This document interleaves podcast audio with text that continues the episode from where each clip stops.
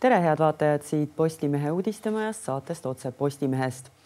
Euroopa Liidu välisministrid kohtuvad täna Brüsselis, et arutada Ukraina toetamist. akuutseid teemasid on laual palju. teiste hulgas on olulisemateks kindlasti Balti välisministrite püüe veenda Saksamaad, et Berliin tankide saatmiseks loa annaks ning selgitamine, milline on Ungari seisukoht Euroopa rahurahastu osas mida on kohtumiselt oodata ning milliseid lahendusi Ukraina vajaks, seda arutan enda tänase saatekülalisega, kelleks on Rahvusvahelise Kaitseuuringute Keskuse teadur Kalev Stoicescu, tervist. tere. no alustame aga hoopis teisel teemal.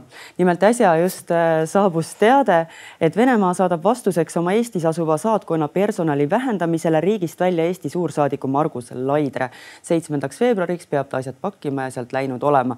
kas selline teade tuli teile ootamatult mm,? sugugi mitte jah, sest äh, kui ma kuulsin sellest äh, välisministeeriumi või õigemini välisminister Reinsalu otsusest vähendada äh, Venemaa saatkonna personali, eh, diplomaatilist personali kahekümne ühelt töötajalt kaheksale ehk siis üle kahe korra, et, et see paratamatult viibki selleni, et meie suursaadik Moskvas, Margus Laidre peab sisuliselt hakkama kohvreid pakkima. sest eh, see oli selge, et kui Eesti poolt oli põhjendatud see otsus pariteetsusega, mida varem kunagi ei taotletud ja noh ega sellel pariteetsusel iseenesest ei ole ka midagi häda, ainult et, et pariteetsust Venemaaga lihtsalt ei saavuta, sest meie vähendame kaheksani, nii nagu Eestil on, oli diplomaatide arv Moskvas, siis Venemaa vähendab meie omi jälle poole võrra või noh, nelja või kolme peale ja siis seda pariteetsust lihtsalt ei tule. ja see, see selline koosseisude vähendamine lõpeb noh, lõpuks millega, nulliga siis. noh, esialgu on siis see, et jah, et Venemaa otsustas alandada siis või madaldada seda äh, diplomaatiliste suhete taset suursaadikult siis ajutise asjuri mm -hmm. tasemele, nii et ilmselt lahkub ka Venemaa äh, suursaadik Eestist Moskvasse tagasi, nii et aga mida see sisuliselt tegelikult tähendab, sellepärast et palju on räägitud ju sellest, et Eestil Venemaaga igasugune kontakt seoses sõjaga Ukrainas on ära kadunud, suhted on pea olematud. Ja ka Venemaa ütles enda tänases selles avalduses, et Eesti juhtkond on viimastel aastatel sihikindlalt hävitanud kogu suhete spektri Venemaaga, et muuta see suursaadiku positsioon ajutiseks asjuriks asjuriks, kas see tegelikult eh, sisult midagi muudab? no ma just tahan öelda, et loomulikult diplomaatiline tegevus on iga riigi jaoks, eriti Eesti jaoks ülioluline ja, ja diplomaatiline esindatus ja võimalus teha diplomaatilist tööd, ainult et Venemaa on selles mõttes erijuhtum, et, et kui me räägime diplomaatilisest tegevusest, üks asi on mõjutustegevus ja teine on siis, et, et noh no, oma riigi huve esindada, teavitada ja, ja nii edasi, otsuste tegemist asukohariigis ja kõike muud. Ja teine on info hankimine, ütleme, aga siis Venemaa puhul on mõlemad probleemsed, sest mida me seal Moskvas nii väga äh, mõjutame mida üldse keegi enam mõjutab ja teiseks, et olla kohapeal, siis võib-olla noh, ütleme, et, et saada infot äh, Venemaalt, noh, et hoida nii-öelda kätt pulsil, et mis, mis tegelikult toimub. et kohapeal olles saab ju alati ju kõige paremini informatsiooni kui kaudsete vahendite, ajakirjanduse mm, -hmm. teiste riikide kaudu, aga noh, paraku on ka see, et ega noh, kui saatkonda on jäänud tööle noh, üks käputäis inimesi, palju nemad suudavad seda infot tegelikult kokkuvõttes koguda ja, ja teha no, hästi suur osa sellest infost tuleb muidugi meie liitlastelt, kes on samuti Moskvas esindatud, kelle kelle saatkondades on noh, palju suurem personal ja võime seda, seda tööd äh, teha, nii et noh, no ütleme, et see on selline madalseis, kust edasi enam ei olegi kuhugi minna, panna saatkonnad kinni ja noh, tegelikult ma loodan, et noh, vaatamata sellele, et me kõik teame väga hästi, mis riik on Venemaa ja mida ta teeb ja mida ta võib veel teha, et, et, et diplomaatilised esindused ikkagi peaksid püsima veel avatuna mõlemas riigis, et aga ilma diplomaatiliste töötajateta see, ma ei tea, kuidas see välja tuleb. kas te peate võimalikuks, et selle Venemaa juhtkonnal need suhted taastuksid? no miski ei ole välistatud, eks diktaatorlikud ja autoritaarsed režiimid teevad ka kannapöördeid äh, vastavalt nende huvidele ja, ja, ja, ja võimalustele, et äh, kõik sõltub sellest, kuidas äh, arengud toimuvad seoses Ukrainaga, sest see on võtmeküsimus. Ja, ja Eesti puhul ma tahaks veel noh, natukene kõrvale küll minna, aga siiski teha üks väga oluline remark, et me oleme väga fokusseeritud, keskendunud Ukrainale, et see on peaaegu nagu obsessiooniks muutunud. see on ülioluline, loomulikult see on meie prioriteet. aga äh, suhete hoidmine liitlastega ja nendega üheskoos tegutsemine samas vaimus, äh, see peaks olema tegelikult meie noh, kõige suurem prioriteet ja sest Ukraina sõda või, või sõjategevus, ütleme Ukrainas mingil hetkel ju lõpeb, varem või hiljem. aga meie suhted liitlastega, meie positsioon peab jääma. jah, me võime rääkida edaspidi ka selles saates sellest, mis võib toimuda peale seda, kui sõjategevus lõpeb, kuna Ukraina taasülesehitamine, kuidas Eesti positsioneerib ennast selles mängus, et me oleme väga palju investeerinud Ukrainasse, meil on õigus ka nüüd saada suuri lepinguid, osaleda Ukraina taastamises kunagi, et ka tagasi teenida midagi sellest, mida me oleme sellesse riiki ja tema iseseisvusse äh, panustanud aga vot see ongi see, selles samas rubriigis suhted liitlastega ja, ja koos öö, otsuste, koos tegemine ehk Eesti tegi sellise sammu üksi. ilma, et me oleks isegi seda küsimust tõstatanud Euroopa Liidus, et vähendame kõik näiteks või, või NATO-s, Euroopa Liidus ja NATO-s on kokku nelikümmend kuus riiki. No okei okay,, räägime Euroopa Liidust, kolmkümmend riiki, et, et äh, või vabandust, kakskümmend seitse, et, et vähendame siis Venemaa saatkondade personali, nii et see oli selline ühepoolne otsus, selle tagajärg on nüüd teada. ma ei tea, ma ei ole päris kindel, et liitlased seda äh, noh, päriselt heaks kiidavad. Nii et teile tundub, et Eesti, et Eesti on oma suures toetamistuhinas äh, kuidagi unustanud ära või jätnud tagaplaanile äh, oma riigi julgeoleku? et tuleks sellega ei, no, rohkem nii, tegeleda. et see on noh, see on selline sümboolne samm, noh, mis on viinud nüüd selleni, et Venemaa siis äh, viib suhted madalamale tasemele ja ega mul isiklikult ju mitte mingisugust kahju ei ole, et äh, Venemaa diplomaate, noh, kellest suurem osa on siin, olgem ausad, luurajad, äh, lahkuvad siit riigist, kaugel sellest, aga, aga aga lihtsalt mina oleks tahtnud, et Eesti oleks teinud sellist otsust koos liitlastega. Kas teile tundub, et Eesti teeb neid otsuseid liiga äkiliselt mõtlemata paar sammu ette? see oli ilmselgelt impulsiivne otsus ja noh, olgem ausad, vaadates selle ajastatust, siis ilmselt ka valimiseelne ja, ja noh ilma et oleks midagi sellist juhtunud, erakordset, mis, mis nagu ütleme, tõuseks sellest äh, Venemaa nii-öelda noh, sõjakoleduste foonist kõrgemale, et see oleks olnud nagu reaktsioon mingisugusele konkreetsele asjale, et Venemaa oleks, ütleme, ma ei tea, Eestit või mõnda liitlast rünnanud või midagi eriti koledat Ukrainas toime pandud, et see oli nagu sellel ühtlasel foonil tehtud äh, otsus, mida võib-olla valmistati ette nädalaid, kuid ma ei tea aga see tundus jah, mulle nii, et nii see ajastatus kui ka see põhjendatus ja kõik ja, ja see, et me tegime seda üksi, et see, see võib-olla ei olnud kõige parem jah. aga liigume Brüsselisse. Äh, Brüsselis äh, toimub tõepoolest Euroopa Liidu välisministrite kohtumine, kus räägitakse Ukraina toetamisest. mis on teie hinnangul need kõige olulisemad äh, teemad, mis antud kohtumisel tuleks lauale tõsta? No esiteks see, et äh, on andmeid, et äh, Ungari noh, blokeerib veel seda viimast sanktsioonide paketti jälle. see on jällegi see déjà vu, et, et kõik kordub iga kord, siis äh, Ungari blokeerib, tahab Euroopa rahasid saada, mida tegelikult ta välja teeninud ei ole, vaadates, millist sisepoliitikat Orbani režiim ajab ja, ja ühest küljest peab sellest Ungarist kuidagi jagu saama tee ja, ja teiseks peab saavutama noh, sellise ütleme üksmeele ka tugevama ja ütleme efektiivsema relvastuse andmises Ukrainale. me räägime siin nendest tankidest, mida sa, lahingutankidest et sellest on saanud omamoodi selline NATO Nursipalu, ütleme niimoodi, vabandust Nursipalu rahva eest, et ma seda niimoodi kasutan, aga selles mõttes, et on niisugune otsustamatus ja eriti Saksamaa kantsleri poolt ja noh, nüüd vaadates, mida Venemaa teeb, oma, tema mõjutustegevus.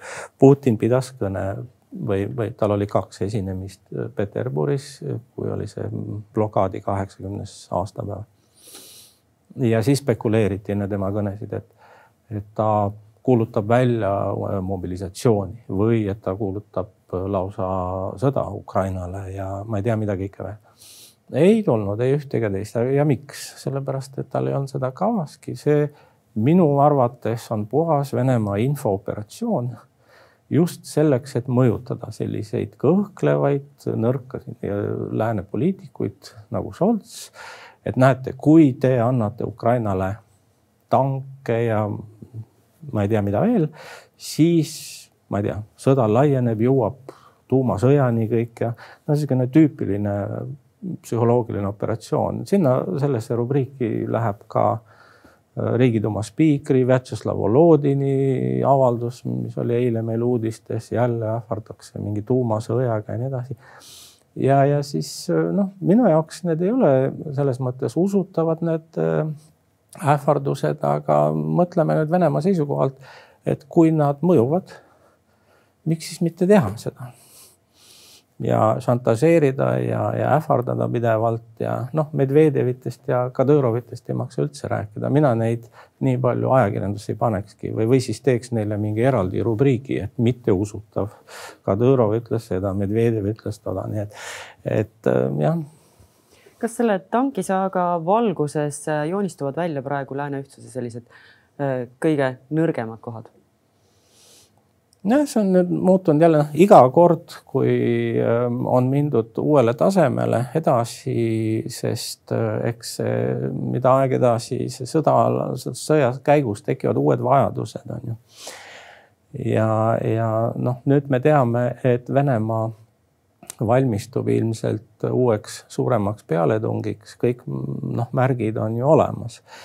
kaasa arvatud see, et et nad on koondanud vägesid rohkem Zaporižia suunal ja siis jälle järjekordne kindralite vangerdus toimus, siis pandi äh, siis kindralstaabi ülem Gerasimov isiklikult vastutama selle erioperatsiooni eest. mis tähendab seda, et, äh, et ähm, Putin kindlasti tahab minna suurele pealetungile, ta on seda käskinud ka sõjatööstust tööle panna, toota nii palju lennukeid ja kahureid ja mida kõike on vaja. et äh, see ilmselt tuleb lähinädalatel, ma arvan. Ja, ja miks, sellepärast et äh, Venemaa ju ei ole nii rumal, et ära oodata, kuniks äh, Ukraina saab kätte lõpuks need tankid ja, ja vägevamad õhutõrje ja raketitõrjesüsteemid, need Patriotid ja, ja muud et, ähm, et praegu on nende jaoks õige aeg ähm, tegutseda. isegi siis, kui nad ei ole veel võib-olla päris valmis sada protsenti selleks, aga Ukrainal vähemalt puuduvad need üliolulised äh, relvastuse liigid, mida noh, pluss veel need jalaväe lahingumasinad, Striker, mida USA lubas ja, ja kõik see, et see oleks massiivne abi ja ja siis see on hädavajalik Ukrainale, et, et vastu pidada sellele Venemaa pealetungile, noh, selles mõttes on aeg on väga kriitiline siin. kui Venemaa suudab praegu enda vägesid koondada, suudab äh, selliseid suurpealetunge korraldada või vähemalt planeerib neid, siis mida tegelikult oleks Ukrainal antud hetkel koheselt vaja, mida nad, mida lääneriigid äh, suudaksid neile ka anda? kõike on vaja aga see kõik võtab aega, aga mida saaks kohe teha selleks, et äh, neil oleks võimalik äh, vastupanu näidata? ei no ongi, tulejõudu on vaja, loomulikult äh, see on noh, suurtükid moona ja, ja seda ka antakse ikkagi, aga noh, see jõuab partiide kaupa sinna. me ilmselt täit ülevaadet ei omagi, sest paljud asjad võib-olla ei, ei, ei liigu kõik avalikult, ütleme ja, ja siis loomulikult soomust on vaja, raskemat soomust mis ja need relvasüsteemid on venelaste omadest selgelt üle. venelased võivad väita mida iganes, et nende relvad on, ma ei tea, parimad maailmas, aga ei ole ju tegelikult see sõda on ju seda tõestanud ja ja, ja isegi kõige modernsemad tankid T üheksakümmend S või mis ta oli, said suhteliselt kergelt pihta ja, ja hävitada ukrainlaste küllalt tavapärase noh, tankitõrjesüsteemi poolt, nii et ei ole nad midagi nii superrelvad venelastel, nii et noh, venelased on tegelikult mures ja Putin on ilmselgelt närvis ja rahulolematu selle sõjakäiguga. tal ei ole ühtegi põhjust olla rahul ja seda me ilmselt nägime ka tema kõnedes sealsamas Peterburis näiteks. kui rahulolematult on seesama kindralite vangerdamine, siis kuidas ta käitus äh, lausa kaamerate ees, tal oli arvuti monitor ees. ma ei tea, kas ta arvutit tegelikult oskab kasutada ka, aga võib-olla oskab.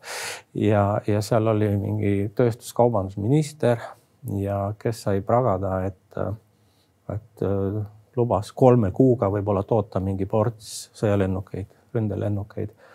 Putin andis talle nagu maffia pealik kuu aega ja ei ole mingit vaatame, mis me siin teha saame, vaid on tehtud või kolm punkti.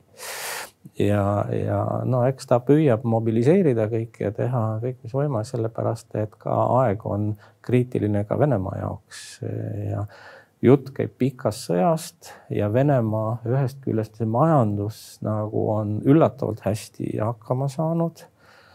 Äh, kõik arvasid, et kukub kokku ja nii, aga ta ikkagi kannatab väga-väga palju ja rahaliselt ka, nii et äh, ka meie kannatame, aga Venemaa ka ja päris palju.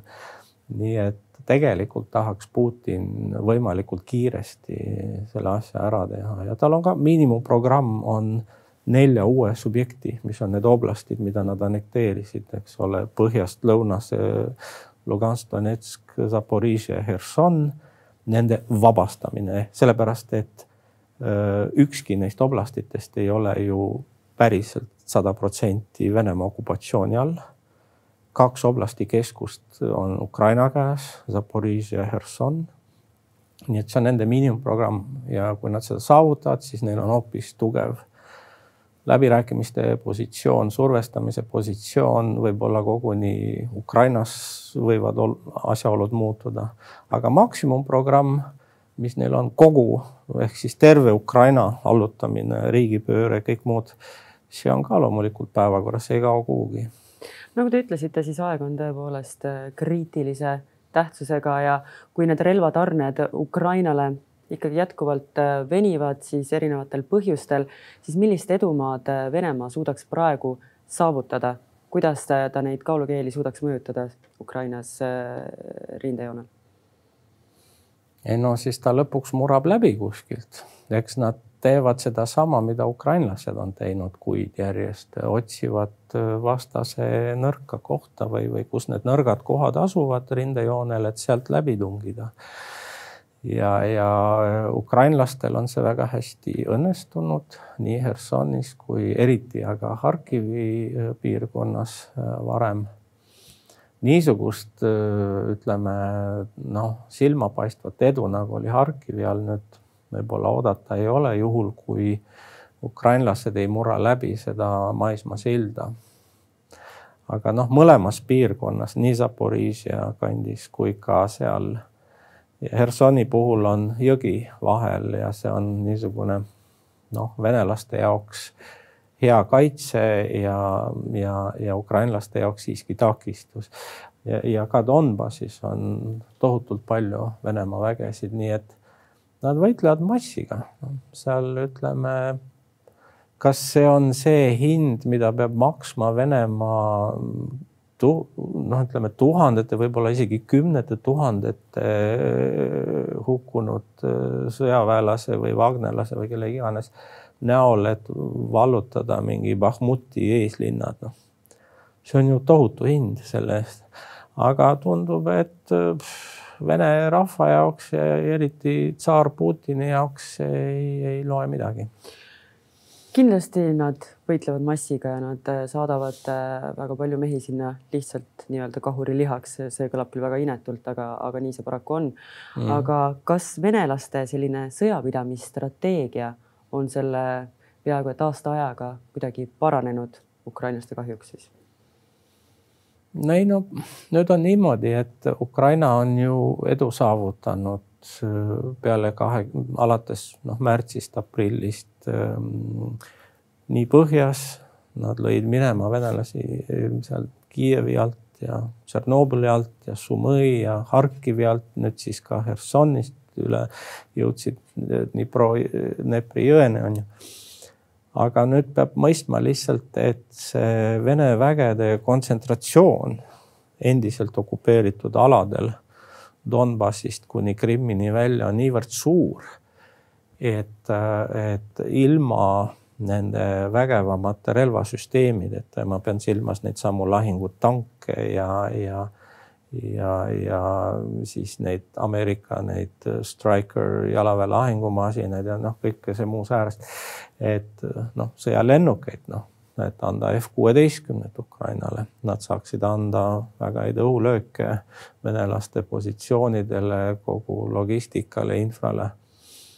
seda oleks kõike vaja, vot siis saaks uuesti mõelda sellele, et Ukraina võiks mingi suure tüki veel äh, vabastada, aga ilma selleta see abi, mis antakse, mulle tundub, äh, noh, eks me näe muidugi, imesid võib ka teha vähesega, aga, aga see on pigem pigem nagu piisav ukrainlaste enesekaitseks kui edu saavutamiseks ja edasiliikumiseks, selleks nad vajavad enamat. aga teeme siin saate lõpus siis ka sellise kokkuvõtte, et äh, mida Ukraina vajab, milliseid otsuseid äh, sellelt Brüsseli kohtumiselt? No ükskõik, mis otsused, mis halvendavad Venemaa majanduslikku olukorda ja, ja, ja võim, seega võimet sõda pidada ja parandavad Ukraina olukorda ähm, ehk siis abi näol ja, ja needsamad, noh, me ei hakka uuesti üle kordama, mida nad kõike vajavad. et mis tahes sellised otsused on loomulikult positiivsed ja, ja aga siis on noh, küsimus selles, et nagu me näeme, on ikka ja jälle vaja teatud liitlastest äh, jagu saada nii-öelda ja nende nõusolekut saada, nii et ja ja alati noh, kipuvad need otsused nagu lahjemaks minema tänu noh, Ungari vastuseisule näiteks. nii, nii et selles mõttes minu, minu meelest Ungari hoiak ei lähe teps mitte paremaks, mida aeg edasi, vaid lausa hullemaks, nii et, et et on, on Euroopas poliitikuid, kes kardavad Venemaa kaotust rohkem kui võitu, aga aga üks nendest on kindlasti Orban, ma arvan, nii et ähm, ja ma näen, et erinevalt Türgi presidendist Erdoganist, kes on võib-olla rohkem selline pragmaatik, püüab oma huve taga ajada, et Orbanil on ka ideoloogiline aspekt sealjuures. Kalev Stoicescu, ma tänan teid nende kommentaaride eest. aitäh. Ja ma tänan ka teid, head vaatajad.